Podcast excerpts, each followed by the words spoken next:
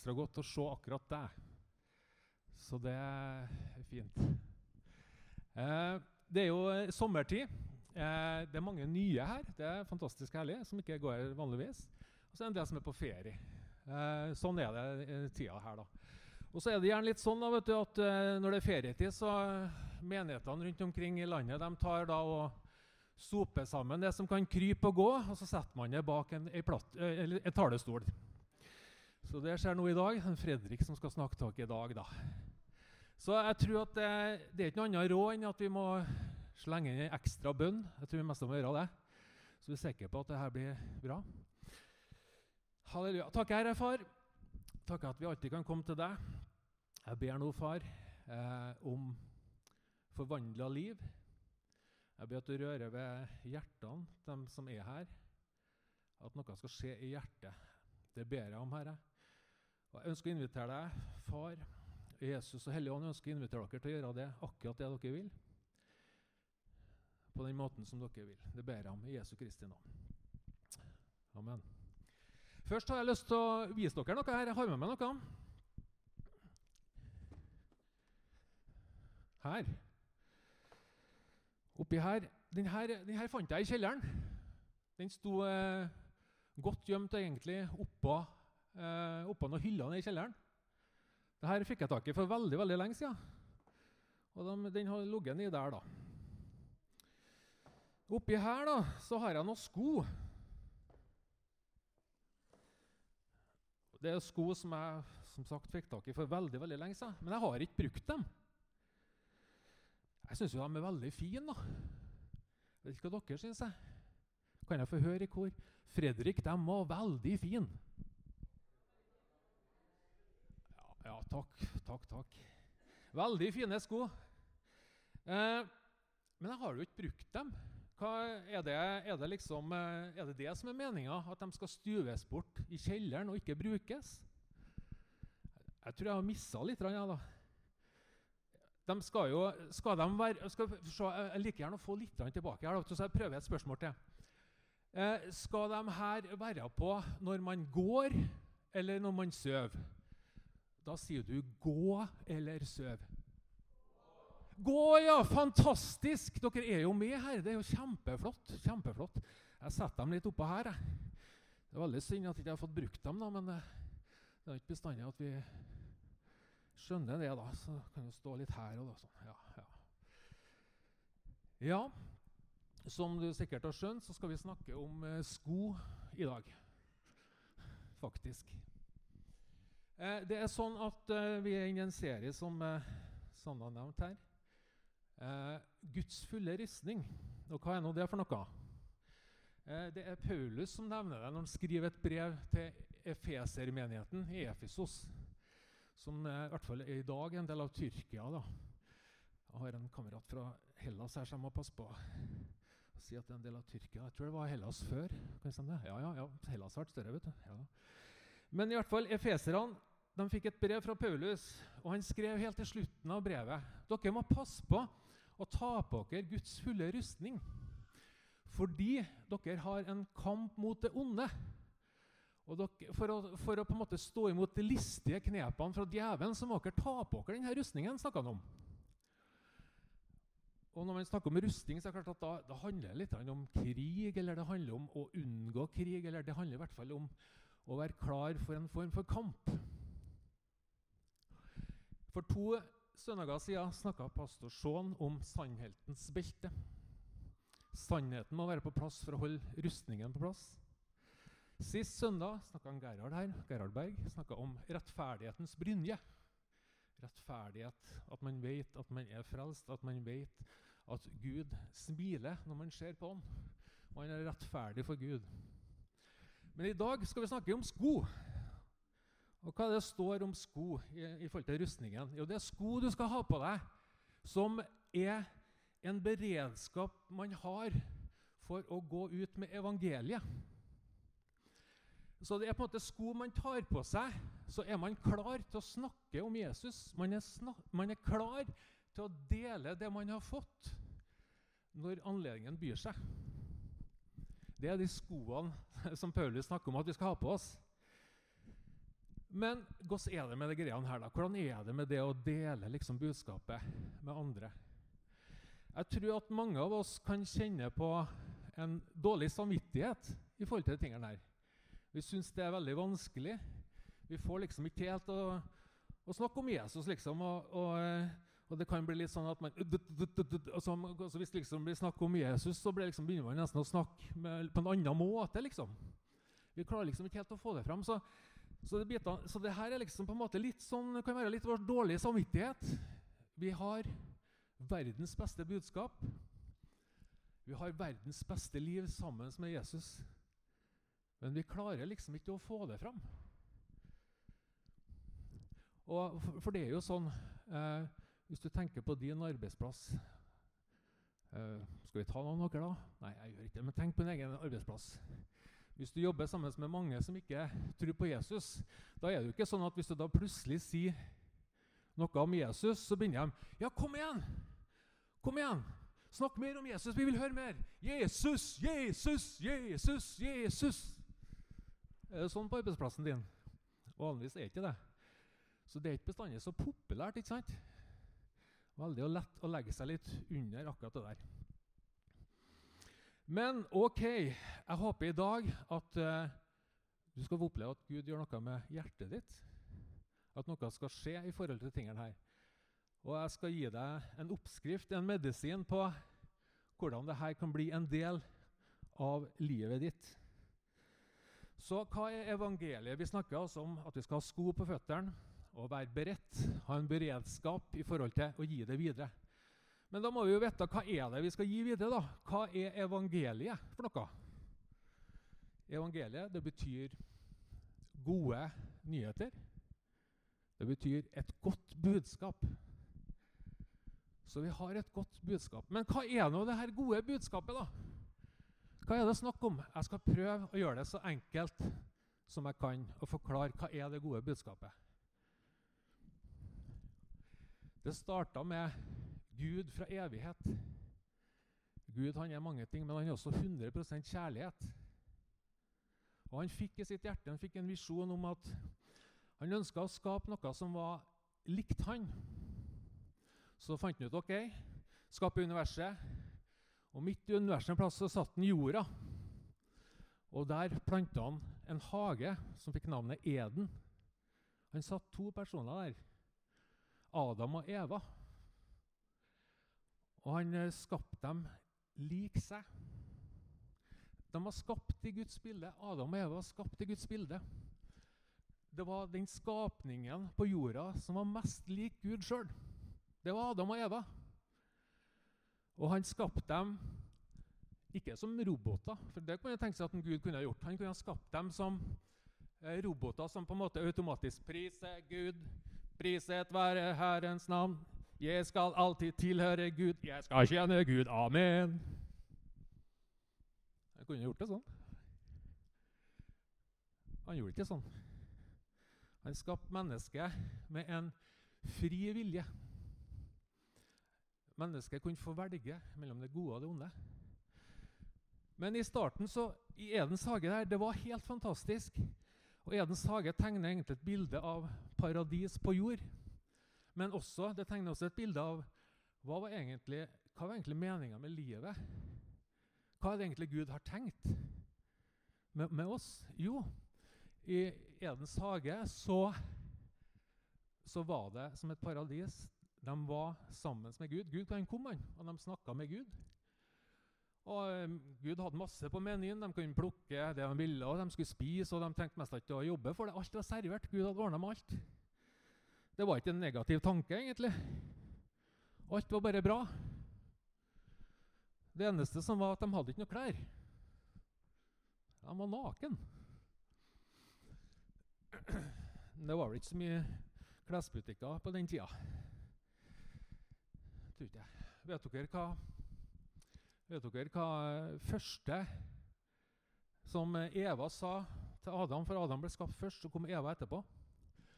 Hva var det Eva sa? Litt sånn fleip der, da, men uh, hun sa det at uh, 'Jeg har ikke noe å ha på meg!' Og det har vi fortsatt ned gjennom generasjonene. Det har, vi har det samme varianten i dag. I dag har du, I hver generasjon har du akkurat her. I dag har du den her trønderske varianten. 'Gubbe, jeg har ikke noe klær.' Så sier han ikke sant, 'Ta på deg brillene', sier han. Ja, ja. Det fins jo klær i garderoben, ikke sant? Nei da, men eh, hva var det? det var jo, egentlig så var de jo ikke naken. De var jo egentlig ikledd Guds herlighet.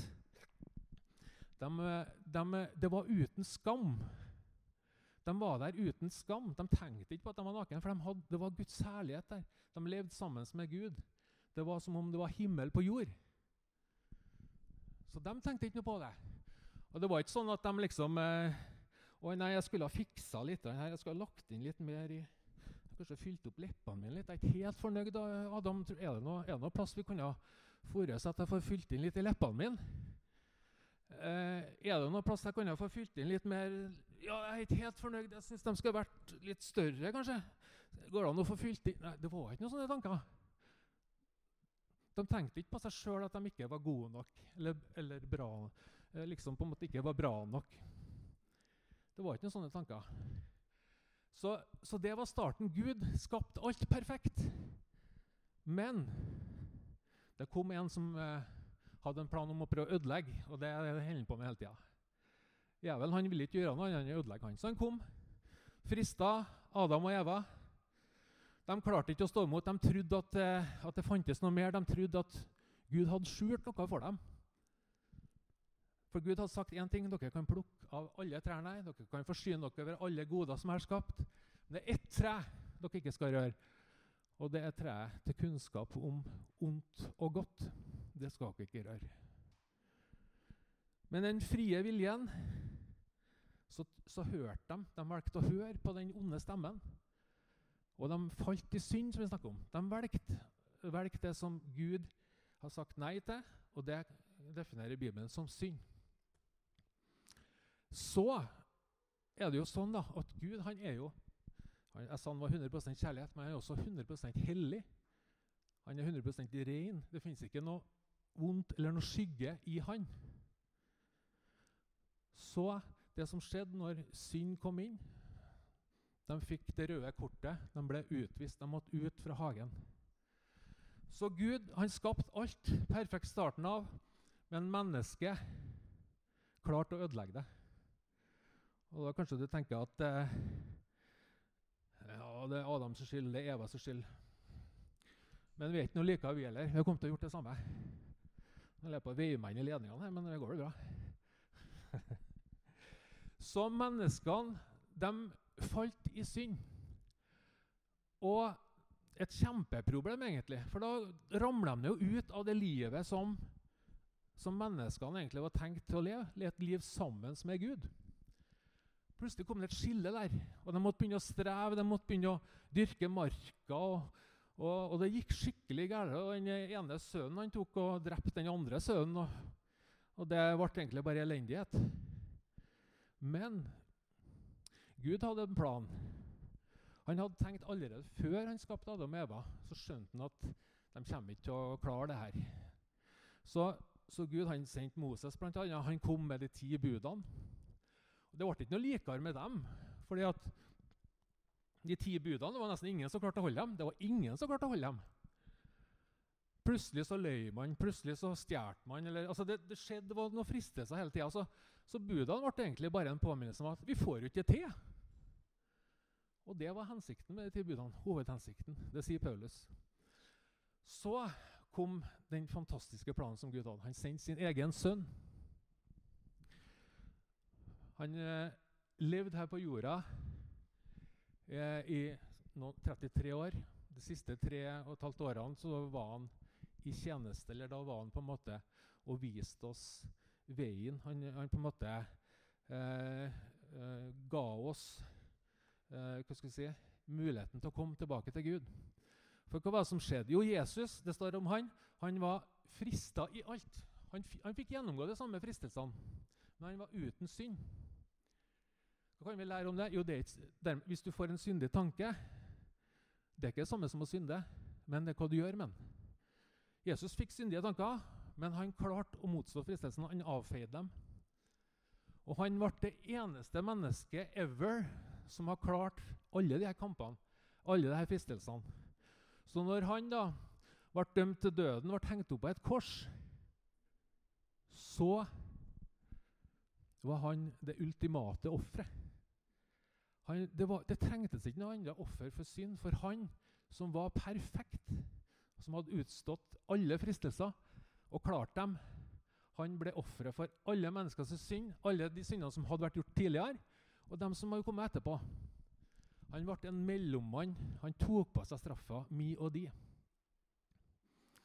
Så det er helt enkelt evangeliet at eh, gjennom at Gud har ordna en frelsningsplan, han ordna en redningsplan for oss, så er det gjennom å ta imot den frelsningsplanen, ta imot den redninga som Jesus har gitt, da kan man faktisk komme tilbake og få oppleve mye av det samme som Adam og Eva opplevde når de var sammen med Gud. Gjennom å ta imot Jesus så er det mulig å få høre Guds stemme igjen. Det er mulig å få merke Guds nærvær. Det er mulig å få tilbake mye av det samme som de opplevde der i Edens hage. Eh, men OK, så det her er, er kortversjonen. Og da er det sånn at man må, et, eh, man må, utfordre folk på å ta en stilling i forhold til akkurat det der. Tror du på det eller ikke? Det, det må man finne en måte å gjøre det på. Og så må man finne en måte å få tatt på seg de skoene der, da. De som står nede i kjelleren, som du har fått. Fine sko du har fått. Du har fått et veldig godt budskap. Men du må få dem opp fra kjelleren, du må få dem på føttene dine. Og som dere har sagt sjøl, de skal gås med. Sant? De skal gåes inn. Men hva er da budskapet? Hva er, vi, hva, hvordan, hva er det vi skal utfordre folk med? Interessant å se. Johannes døperen han kom før Jesus. Og han var eh, hvis, du tenker, hvis du ser for deg en konsert hvis det er et veldig bra band som skal spille en konsert, eller en veldig kjent artist, da starter det gjerne med et oppvarmingsband først. Det er noen som kommer først for å sette stemningen litt og, og på en måte eh, lage litt sånn eh, retningen for at det her skal bli en veldig bra kveld. Så Johannes døperen han var oppvarmingsband han, til Jesus. Og hva var det han utfordra folket til? I Matteus 3 så står det Eh, på den tiden som døperen Johannes eller han sto fram i ødemarken i Judea og forkynte Vend om, for himmelriket er nær. Så det var det som var hovedbudskapet hans. Vend om, det er å snu seg helt. det. Så han sa egentlig til folk at dere er litt på ville veier her. Dere må snu om. Hvorfor? Himmelriket er kommet nær. Det var noe som var i ferd med å skje her. Himmelriket, eller himmelen som på en måte var litt fjernt, eller Edens hage eller paradis, eller hva man skal si. Plutselig så begynte det å komme nær. Det var noe fra Gud som, som plutselig var mulig å få tak i. Så det sa, sa han. Og folk begynte å, begynte å bli litt rann, eh, ja, her, her, skjer det noe. Og, så, og han døpte folk. Johannes han døpte dem eh, til omvendelse står det. Så han, eh, han preika budskapet 'Vend om, himmelriket er nær', og han døpte folk i vann. Det var det han holdt på med. Men så kom jo eh, hovedattraksjonen. da. Jesus kom. Og hva var det han forkynte? Han sa jo mye forskjellig. Vi kan lese om det i alle de fire evangeliene. Matteus, Markus, Lukas og Johannes. Men Matteus han oppsummerer det Jesus sa, på følgende måte i Matteus 4. Fra da av begynte Jesus å forkynne Vend om, for himmelriket er kommet nær. Jaha. Det var samme budskapet, jo.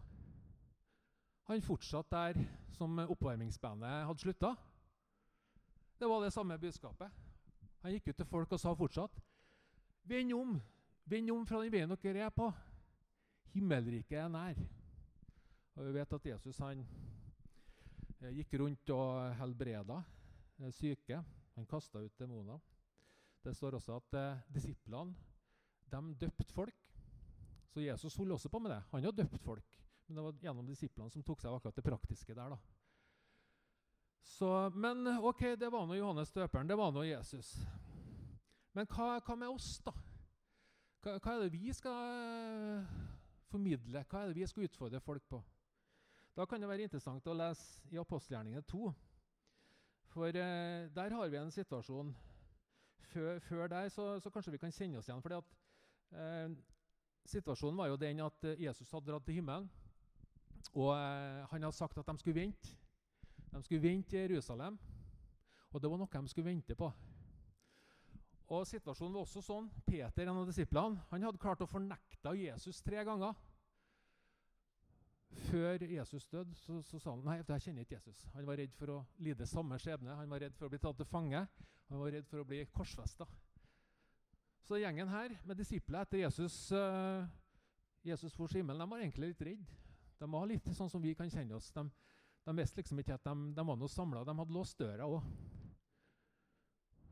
Men så kom Den hellige ånd over dem, det som Jesus hadde lovt. Det kom over dem, og det skjedde noe. Kvarta, klokka kvart over ni på morgenen så gikk de ut. Og de talte i tunger. De talte i språk som ingen, egentlig i utgangspunktet ingen skjønte. Men det var noen som skjønte det, fordi det var jøder som hadde kommet inn til en festlighet i Jerusalem. Og de kjente igjen morsmålet sitt fra de landene og plassene de kom fra. Så noe var på gang. Og Peter, som hadde fornekta Jesus, han sto plutselig fram. Han var blitt frimodig, han hadde blitt fylt med Den hellige ånd. Og hva var det han utfordra folket på etter en litt lengre preken? Så sier han det i apostelgjerningene 2 sånne langdistansebriller som gjør litt sånn. Eh, Peter svarte dem, 'Vend om og la dere døpe i Jesu Kristi navn, hver og en av dere, så dere kan få tilgivelse for syndene, og dere skal få Den hellige ånds gave.' Det er samme budskapet. Men jeg hadde lagt til en ting, for det var en ting som var forandra. De skulle fortsatt vende om. De skulle la seg døpe til Jesus for tilgivelse. Og de skulle bli fylt med Den hellige ånd. Det var det budskapet som Peter forkynte. Jeg tenker litt sånn at i våre sammenhenger da, eh, det her budskapet om å vende om, det har liksom eh, forsvunnet litt. Alt har blitt så, så fint når vi snakker så fint. og og eh, det er liksom eh, Ja, liksom bare, bare si 'Jesus er Herre', så blir du frelst, liksom. Og, eh, og, jeg tror det kan skje en kraft og en forvandling i det. Men er omvendelsen der? Det er faktisk mulig å si 'Jesus er Herre'. Um, uten at det skjer noe, hvis ikke hjertet ditt er med, hvis ikke du har gitt deg, hvis du ikke har vendt om, så trenger ikke det å føre til frelse. Det er jo mulig å si de ordene. Paul, eh, Peter snakka ikke om, om, å si at Jesus er Herre. Han snakka om at, dere, at, han skulle vende om og gi seg til Jesus. Det var det han snakka om.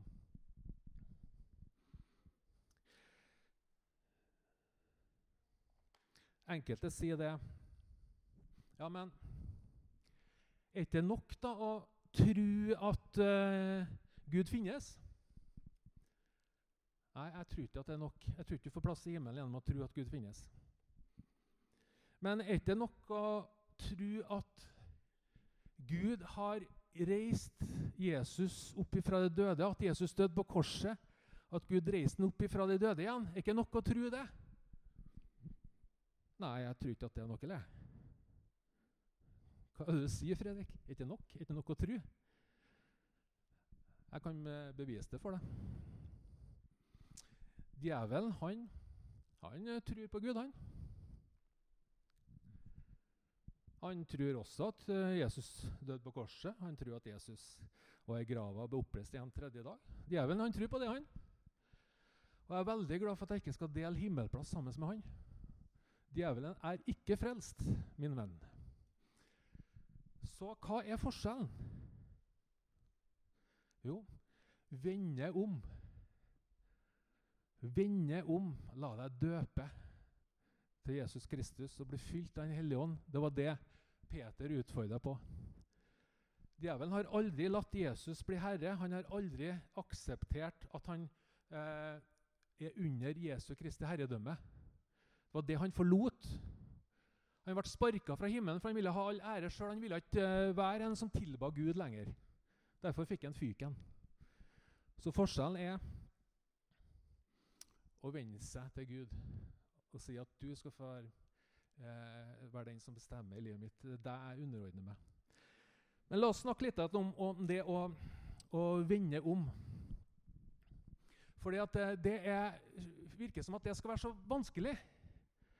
Og, og, jeg tenker også at det er mange som liker å kalle seg eh, kristne, og som sikkert er det òg, men, men liksom, man klarer liksom ikke helt å, å, å la Jesus bli 100% herre. Det er liksom så vanskelig, det.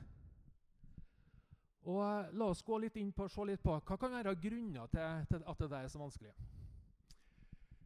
Jo, én ting er jo at man ikke vil. Hvis man ikke vil, eh, så, så altså Det er på en måte en uvilje. Det er liksom en sånn eh, La oss nå si nå at det her bygget er, hvis du er med på et bilde her nå, det er båten som går til himmelen. La oss nå si det. Og det å leve i den båten her, da er du på en måte på tur til himmelen. Men mens enkelte da ønsker å være nærmest mulig Jesus, og det han har gjort, å komme seg nærmest mulig korset, så ser det ut som at enkelte kristne vil prøve å være i båten. De er livende redd for at de skal ramle ut av båten. Men det handler liksom om nei, jeg vil ikke være sånn her Jesus, jeg vil, jeg vil holde på litt sjøl her. Jeg, jeg, jeg, vil, vil ikke grann der, så jeg, smiger meg litt langs veggen her og kanskje litt bakgjennom der. og så og så blir man fryktelig nær døra, men plutselig kan man ramle ut. vet du. Men, men man vil være liksom lengst mulig unna. Og hva er det for noe, da? Jeg tror det man, man vet ikke hva man mister. Man vet ikke hva som finnes når man har 100 gitt seg til Jesus. Andre ting som kan, eh, kan være uh, en grunn til at man ikke gir seg helt og ikke tar på seg skoen, for Det er jo det vi snakker om her. Det snakker om å ta på skoen og være en som kan gå ut og gi budskapet videre. Noen har en sånn åndelig unnskyldning. Og det Nei, altså Jeg er ikke noe evangelist. Altså. Det, er, det er ikke min tjeneste. hva det der, så. Evangelisten Noen tror at det er noe evangelisten skal gjøre jobben. Det er han som skal gå ut og få alle sammen frelst. Så skal vi andre sitte bare og klappe. Jeg skal sitte og klappe. Jeg, ikke, jeg er ikke noen evangelist. Men da har ikke du lest boka godt nok, for det står akkurat i samme brevet, Feserbrevet, at Gud ga apostel, profet, lærer, hyrde, evangelist. Hvorfor ga han dem til menigheten? For at de skulle gjøre jobben? Nei, det var for at han skulle utruste altså de her fem gavene skulle utruste de hellige til tjeneste. Så evangelistens hovedoppgave det er å få meg og deg til å bli effektiv, til å få på skoen og gjøre en god jobb. Så legg vekk den unnskyldninga. Vær så snill. Hva kan være andre grunner til at man ikke vender om? Nei, det kan uh, være bekymringer. Jesus sier at uh, li, altså, livets bekymringer kan være med å kvele ordet fra Gud. Og man kan være så bekymra for så mye. Og, og når den bekymringa ikke blir noe av, så kommer det en ny ei. Og hvis man eh, ikke blir noe av den heller, så må man jo lete så man finner noen nye bekymringer. Så kan man leve resten av sitt liv med å bekymre seg og ikke finne plass til Jesus. God tur, sier jeg. Hvis du har lyst til å bekymre deg resten av livet, vær så god. Det er ikke noe godt liv. Det fins noe likere. For det, det står at du kan kaste bekymringene på Herren. Og han har omsorg for deg. Han kan være med å bære de tingene der. Du kan få et annet perspektiv. Så Du trenger ikke å holde på med det, men det er ditt valg hvis du vil fortsette med det. Men velg heller å vende om. Mye er bedre. Andre ting som kan være, det kan være rikdommens bedrag. Jesus advarer mot det òg. Det kan være det også ordet fra han. Og hva er nå det, da? Jo, jeg er nødt til å jobbe. Så. Jeg må jobbe, jeg skal tjene penger. Jeg må, jeg må tjene penger for at jeg skal kjøpe eh, en ny bil. Og så skal jeg kjøpe enda nyere hus, og så blir det hytte. Og så må jeg, jeg må ta, tre ekstravakter uka her. Jeg er nødt til å bare stå på her nå, for det, jeg, skal bli, jeg, jeg, må ha mer penger. Det går an å holde på sånn hele livet òg. Mere, mere penger. Money, money, money. Jeg tror ikke at det er sånn hvis man ligger på dødsleiet liksom, helt innpå det siste. Så tenker man at jeg ikke tok på meg den ekstraakta der, altså. Det var dumt. At jeg ikke fikk jobba litt ekstra, sånn at eh, så jeg fikk kjøpt meg den Ferrarien. Det var Nei, det altså Livet ble ikke helt som jeg tenkte. Er det det man tenker på på slutten?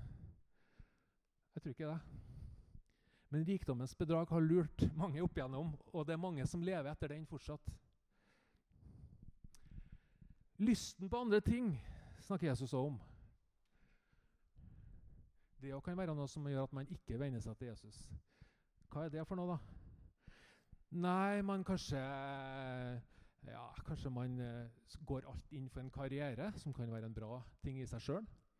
Eh, man skal på en måte ha det ene og det andre. Man skal reise hit og dit, og man har masse ting som man har lyst på. Og man lever i den løgna at man tror at hvis man gir seg helt til Jesus, så får ikke jeg de greiene her.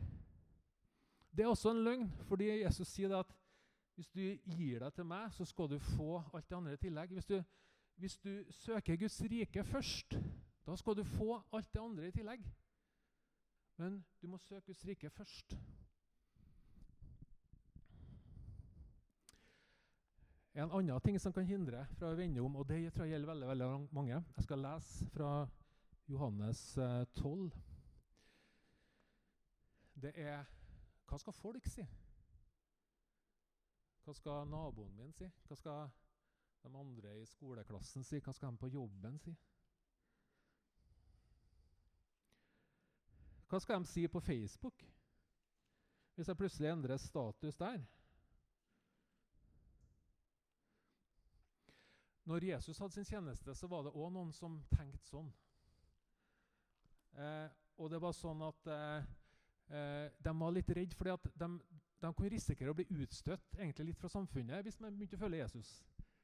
Eh, for På tida der så var det sånn at eh, i synagogen, da, datidens religiøse ledere, de, det var på liksom, de mest velansette. De kom til synagogen, og de var liksom velkommen der.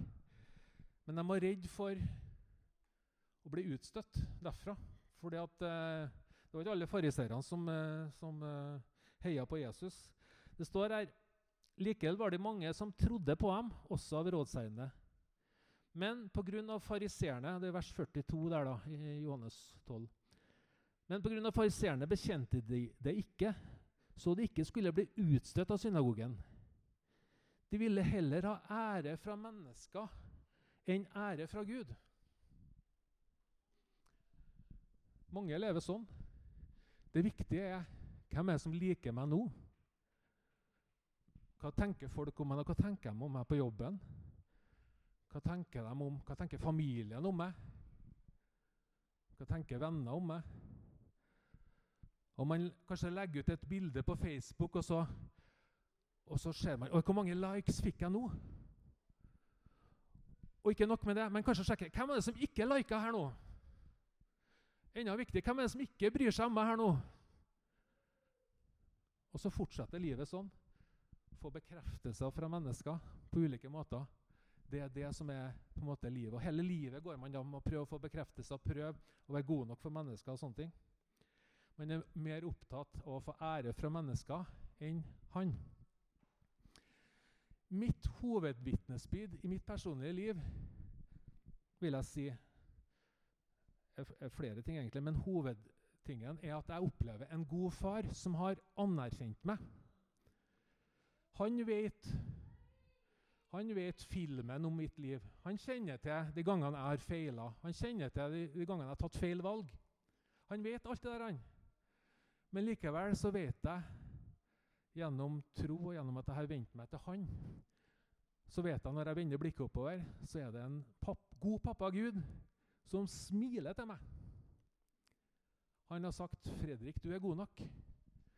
Og det er helt fantastisk å få æren fra han. Jesus sier i samme kapittel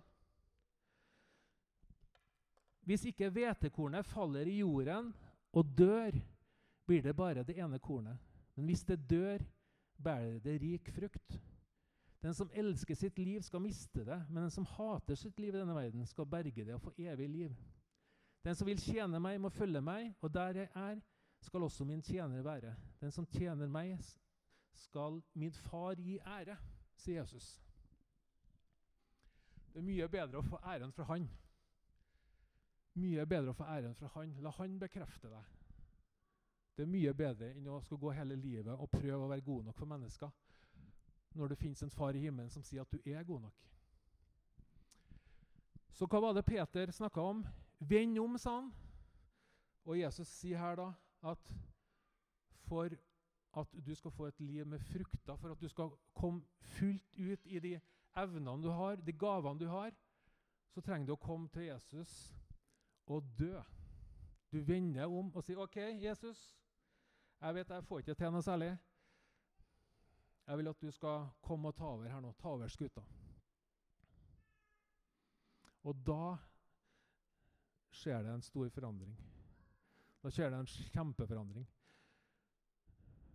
Jeg har vært eh, en kristen hele livet.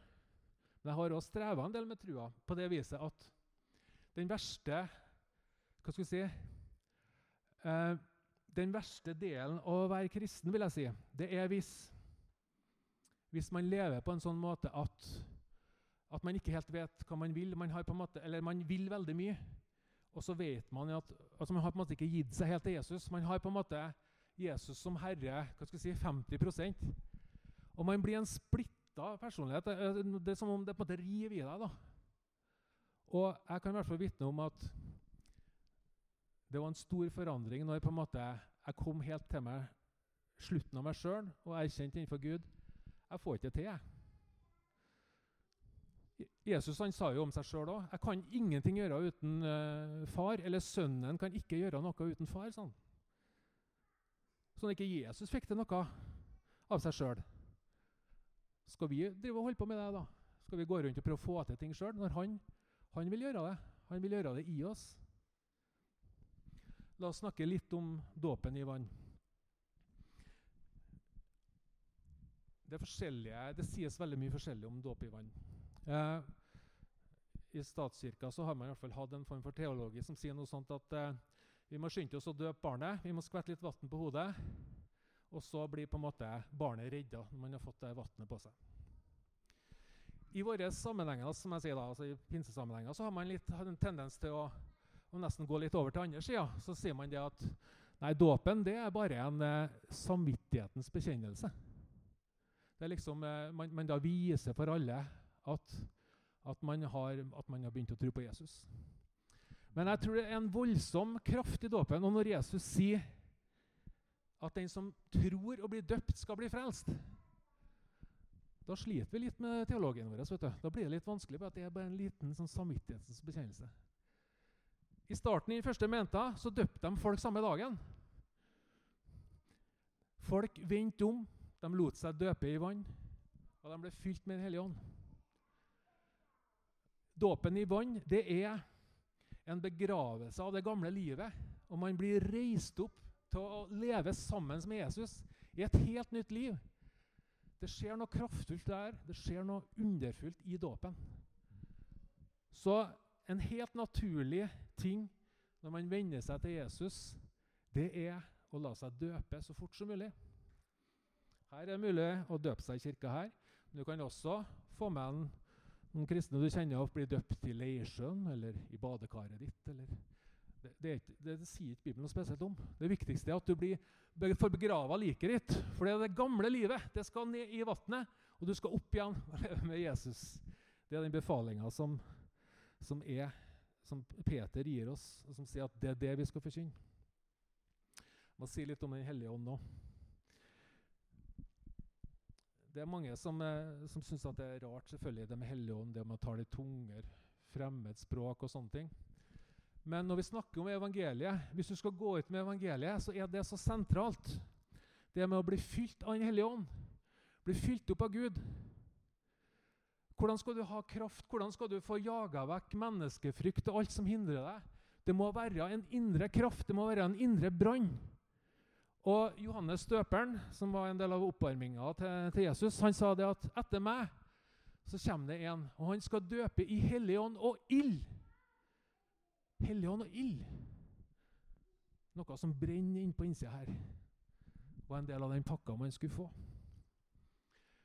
Jeg vet ikke, Har du, har du prøvd en hel vinter å kjøre bil med sommerdekk? Er det noen som har gjort det? Jeg håper ikke du har prøvd det. Men hvordan ville det vært hvis du skulle prøvd å kjøre en hel vinter med sommerdekk? Nei, jeg kan tenke meg at for det første så har du ville følt deg veldig utrygg. Du ville kanskje forhåpentligvis kjørt litt saktere, kanskje 20-30 km mindre.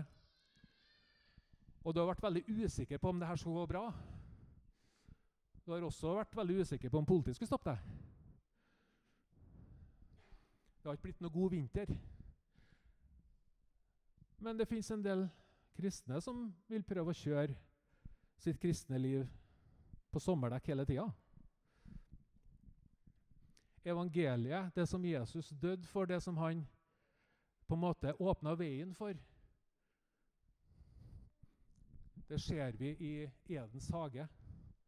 De var sammen med Gud, de var omfavna av Guds herlighet.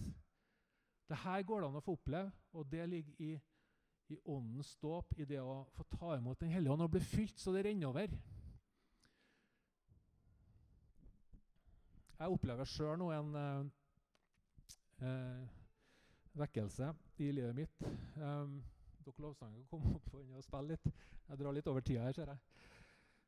Så det ser ut som det er både djevelen og klokka som er fienden her, men det, vi, får, vi får leve med det. Um, jeg opplever en vekkelse i livet. Uh, Tre-fire siste månedene så er det som om det er en ny brann på innsida. Det er liksom uh, det er liksom som ikke jeg helt vet hva jeg skal gjøre av det. det er en ny, fantastisk kjærlighet som vi snakker om å vende om. Hva er det som venter deg der, da? Jo, det er en ny glede. Det er en fred som overgår all forstand. Det er et liv der du kan slappe av og vite at det er ikke, det er ikke noe jeg kan uh, som forandrer i forhold til om jeg presterer, eller det er ikke noe, noe sånne krav. Det er et liv der man merker at Gud er i rommet på et vis. Noen ganger veldig påtagelig, noen ganger ikke så påtagelig. Kanskje litt mer sånn at man må bare tro at det, at det stemmer. Men det å vende om, det å gi seg 100% til Han, det er så utrolig slitsomt å ikke gjøre det. Orsker du det videre? Jeg er nødt til å utfordre dere litt på det. Vi skal være litt innenfor uh, Gud nå, og nå er det, det er du og Gud. Jeg uh, vil at du skal lukke øynene. Du kan reise deg hvis du vil, du kan sitte hvis du vil. Men jeg vet at det jeg snakka om nå, det er noe, noe, noe som uh, utfordrer så å si alle her. Og Innenfor det møtet her så har jeg bedt om at Gud skal forvandle liv. Jeg tror det at det er viktige avgjørelser som skal tas i dag. Jeg tror mange her skal ta viktige avgjørelser som har betydning for, for ditt liv fra i dag og videre framover. 19.07.2020 kan bli en dag der du kan se tilbake på at det var da det snudde. Det var da det endra seg.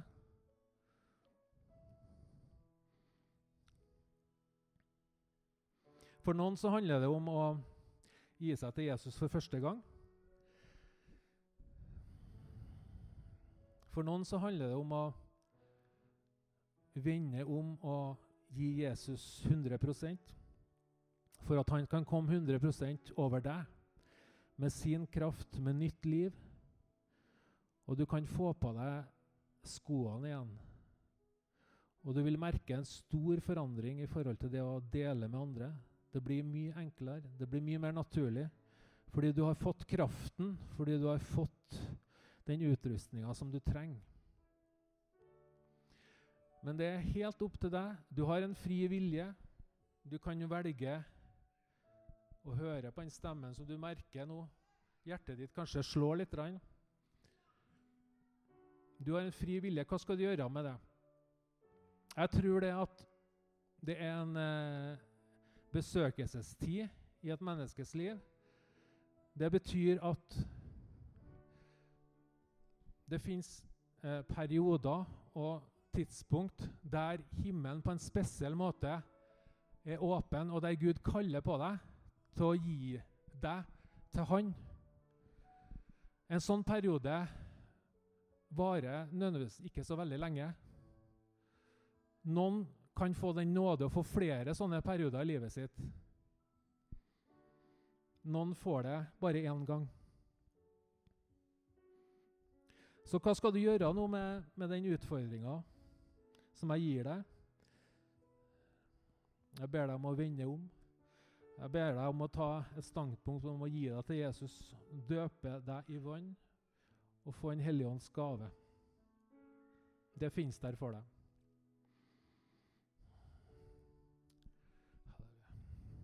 Vi kan reise oss alle sammen.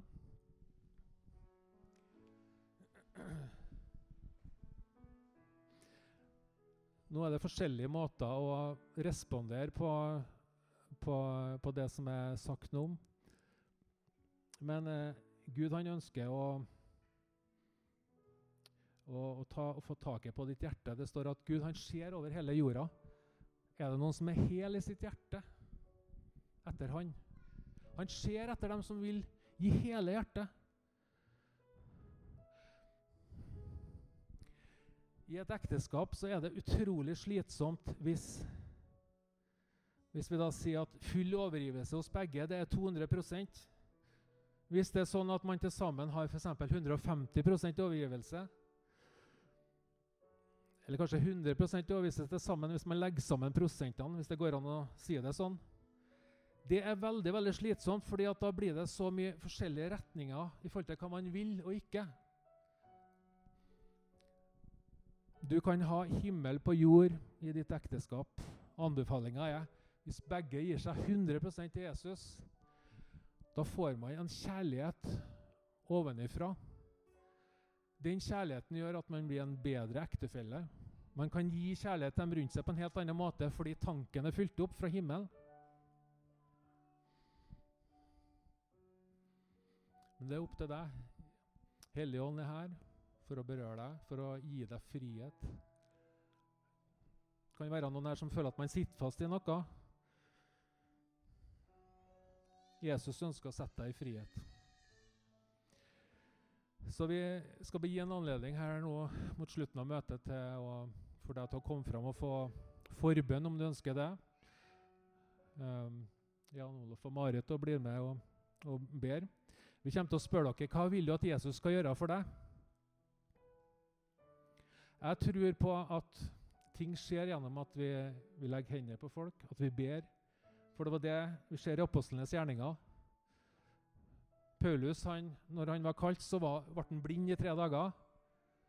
Gud kalte en som heter Ananias. En, en, eh, vi hører ikke om ham verken før eller etterpå. Men han kom, han la hendene på Paulus, og han fikk synet tilbake, og han ble fylt av Den hellige ånd. Lenger ute så ser vi at Philip er på evangelisttur ute i Samaria. Der er det mange som venner seg til trua. Men Peter eh, og Johannes kommer fra hovedkvarteret i Jerusalem og finner ut at eh, de har jo ikke fått Den hellige ånd. Så han legger hender på dem, og de mottar Den hellige ånd. Vekkelsen i Efesos, der som eh, Paulus skrev brevet til efeserne, det starta med at Paulus kom dit. Han la hendene på tolv menn der som tok imot Den hellige ånd, ble fylt av Den hellige ånd. Så Gud kan gjøre det på den måten der. Dette kan være dagen din. Så, så kjenn etter ditt hjerte. Ta de riktige beslutninger for ditt liv. Det er du som, eh, som må velge. Jesus er klar. Helligånd er klar. Faderen er klar for deg. Så um, dere er velkommen fram hvis dere ønsker forbønn. Bli satt i frihet til tjeneste, bli fylt av Den hellige ånd, bli frelst. Få forbønn i forhold til det å få vende om og begynne et nytt liv. Amen.